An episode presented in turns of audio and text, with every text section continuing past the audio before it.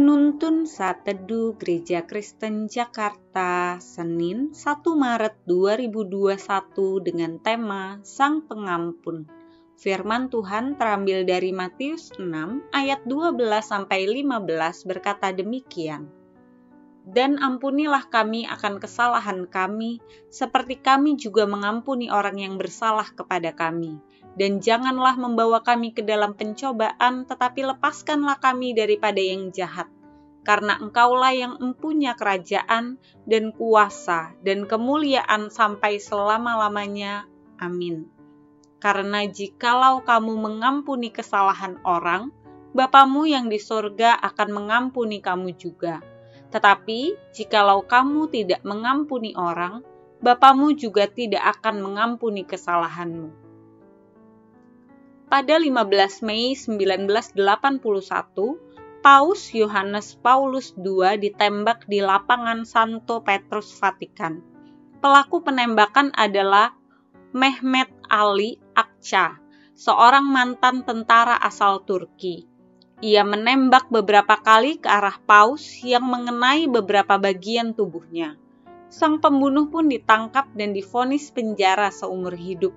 Setelah sembuh, sang paus mengunjungi pembunuhnya di penjara. Ia berkata, "Saya sudah memaafkan saudara saya itu."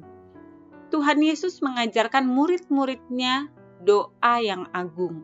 Di dalam doa itu ada kalimat "Ampunilah kami akan kesalahan kami."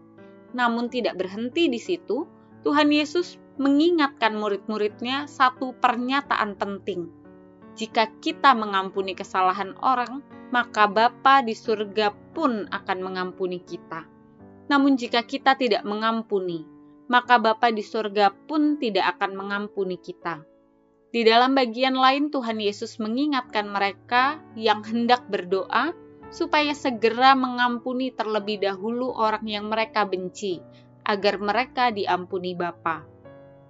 Ini tidak bermaksud seakan-akan pengampunan Allah itu bersyarat, namun ini dimaksudkan untuk mengajarkan kita bahwa jika kita ingin diampuni Bapa, maka kita pun seharusnya mengampuni orang lain.